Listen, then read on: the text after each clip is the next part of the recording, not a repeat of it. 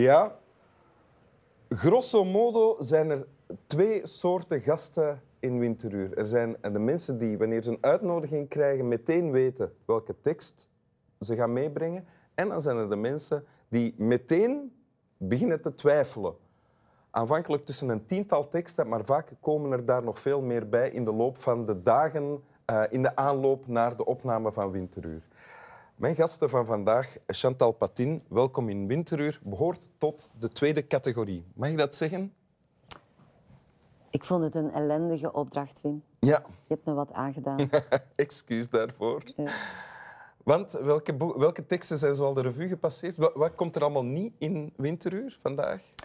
Ja, ontzettend veel boeken. Ik ben voor mijn bibliotheek gaan staan. En ja, er zijn zoveel boeken die belangrijk zijn geweest, waarvan je weet, die passage, die zin, dat zit allemaal ja, dat zit in de bagage die je meeneemt in de rest van je leven. Die sturen je leven eigenlijk ook. Noem ze eens een paar.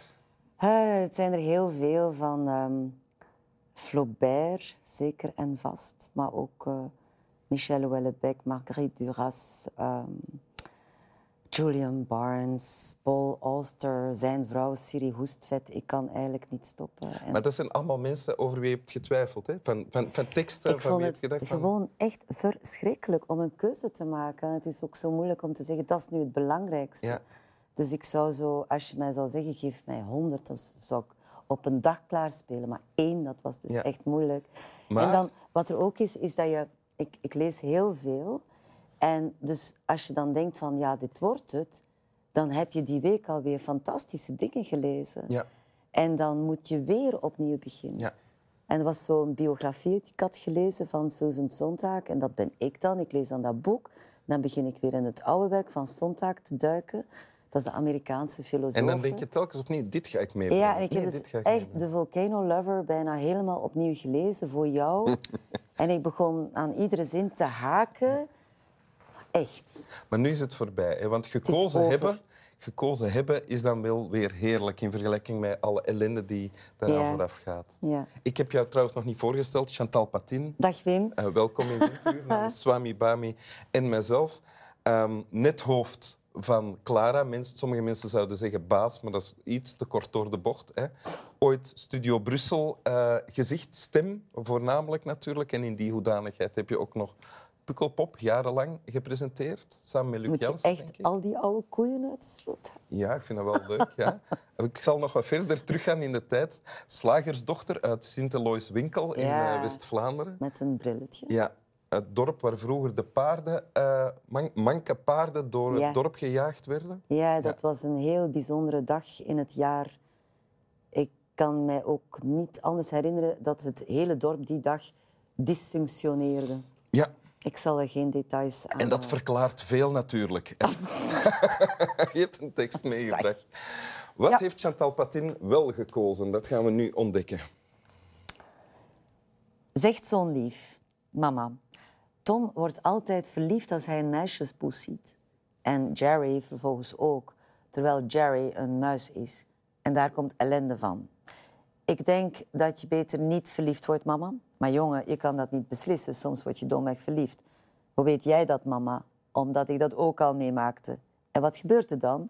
Wel, je kijkt naar iemand die je fijn en leuk en mooi vindt... en je buik en je hoofd gaan raar doen. Krijg je dan diarree, mama? Niet noodzakelijk, maar je bent wel wat duizelig. Zoals een derwish. Derwishen worden nooit duizelig. Gewone mensen die verliefd worden, raken wel het noorden kwijt. Weet je dan niet meer waar je bent? Eigenlijk niet. Maar mama, je kocht me een kompas, dus ik weet waar het noorden is.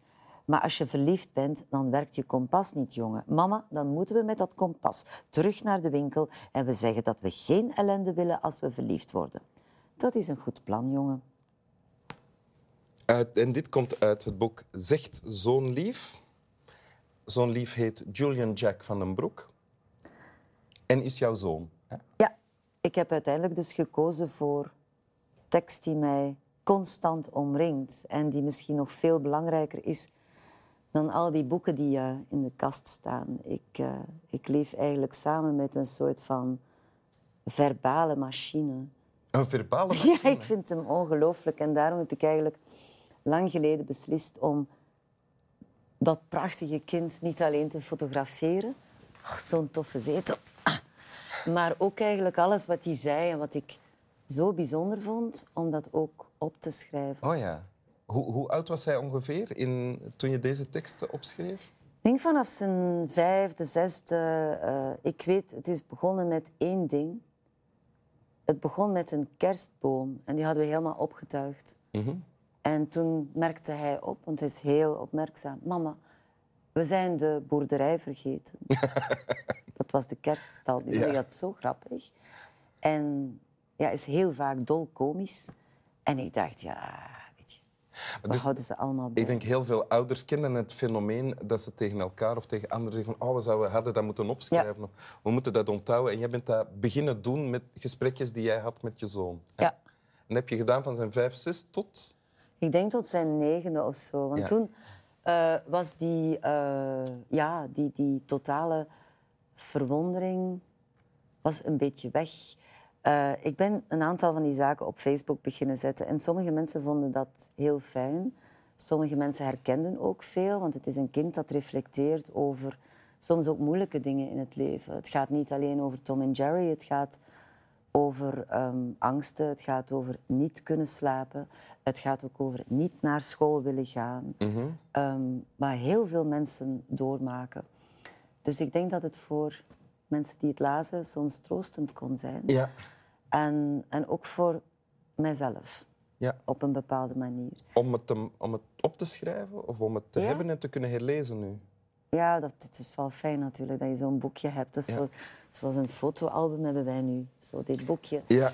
En, ehm, maar ik heb het ook gedaan omdat kinderen zo prachtig kunnen formuleren. En ehm, En vragen stellen waar wij als volwassenen niet meer aan denken om ze te stellen. ja, absoluut. Het stuk dat je gekozen hebt begint met zijn observatie dat Tom van Tom en Jerry, de cartoonfiguren, dat Tom altijd verliefd wordt als er een meisjespoes is. Eender welke meisjespoes die passeert. Dan vergeet hij zelfs de muis. Hij hangt uit het raam, Ja. zijn nek wordt lang. Hij ziet zo'n bevallige katin passeren. Dat is al een heel leuke observatie Ja. natuurlijk. En dat geeft dan aanleiding om een gesprek te hebben over wat is dat dan, verliefd zijn. Ja. Ja. En, dan, eh, en dan begrijpt hij de dingen die jij zegt vaak heel letterlijk. Hè? Ja, mijn zoontje heeft de diagnose ASS gekregen. Al een hele tijd geleden. Dat is autisme-spectrum. En eigenlijk, als je dat boekje gaat lezen, achteraf dacht ik van... Toen kende ik de diagnose niet. Ah, dat wist je toen nog niet. Nee, ik wist het helemaal niet. Dus bijna leest dat als een soort van aangekondigde diagnose. Ah, hoezo? En- Op welke manier zit dat hierin? Ja, omdat zijn taal eh, is zo voor mij heel bijzonder. Want ik was ook een beetje boos met die diagnose, want ik vond mijn kind speciaal. Ah ja. En achteraf blijkt dat een van de kenmerken te zijn dat zo'n kinderen een aparte...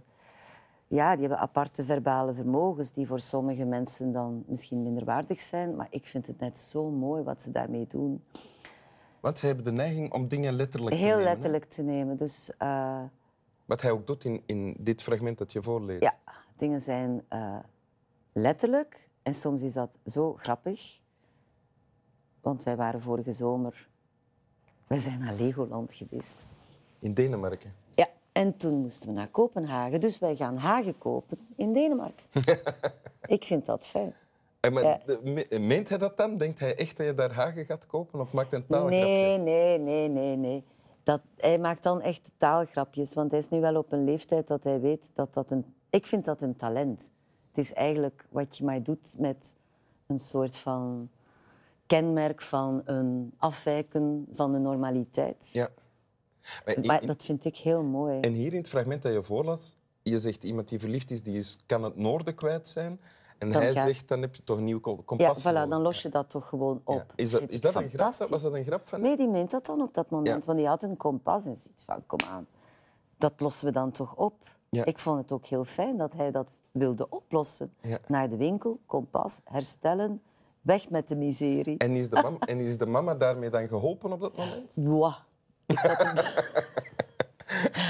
ik, ik had een beetje last van hartzeer, denk ik, op dat moment. Oké. Maar het is wel fijn om het dan op te schrijven. Dat er mogelijk een oplossing zou geweest zijn door een kompas. En op een of andere manier brengt hij dat ter sprake naar aanleiding van een filmpje Ja. van... eh, En zo zijn er heel veel dingen. Hè? Zo, eh, het gaat op een bepaald moment over de dood en wat hij dan zou doen. En als ik er niet meer zou zijn. En zo. Maar mama, ik houd jou gewoon bij. Ik zet jouw skelet in de gang en ik ga dat versieren. Ik denk, Oké. Dat is een fijne waarmee- manier waarmee om ermee om te gaan. versieren? Strikjes. Oké. Ja. Ik ging zeggen van, oh, leuk, dat wil ik nog wel meemaken, maar ik- niet, ook niet per se, denk ik. Wil je het nog eens voorlezen? Ja. Mama, Tom wordt altijd verliefd als hij een meisjespoes ziet. En Jerry vervolgens ook. Terwijl Jerry een muis is. En daar komt ellende van. Ik denk dat je beter niet verliefd wordt, mama. Maar jongen, je kan dat niet beslissen. Soms word je domweg verliefd. Hoe weet jij dat, mama? Omdat ik dat ook al meemaakte. En wat gebeurt er dan? Wel, je kijkt naar iemand die je fijn en leuk en mooi vindt en je buik en je hoofd gaan raar doen. Krijg je dan ook diarree, mama? Niet noodzakelijk, maar je bent wel wat duizelig. Zoals een derwish. Derwishen worden nooit duizelig. Gewone mensen die verliefd worden, raken wel het noorden kwijt. Weet je dan niet meer waar je bent? Eigenlijk niet. Maar mama, je kocht me een kompas, dus ik weet waar het noorden is. Maar als je verliefd bent, werkt je kompas niet, jongen. Mama, dan moeten we met dat kompas terug naar de winkel en we zeggen dat we geen ellende willen als we verliefd worden. Dat is een goed plan, jongen. Dank u. Slap wel. Slap wel, Julian Jack. Maar die ligt al lang in zijn bed waarschijnlijk. Ik mag het hopen.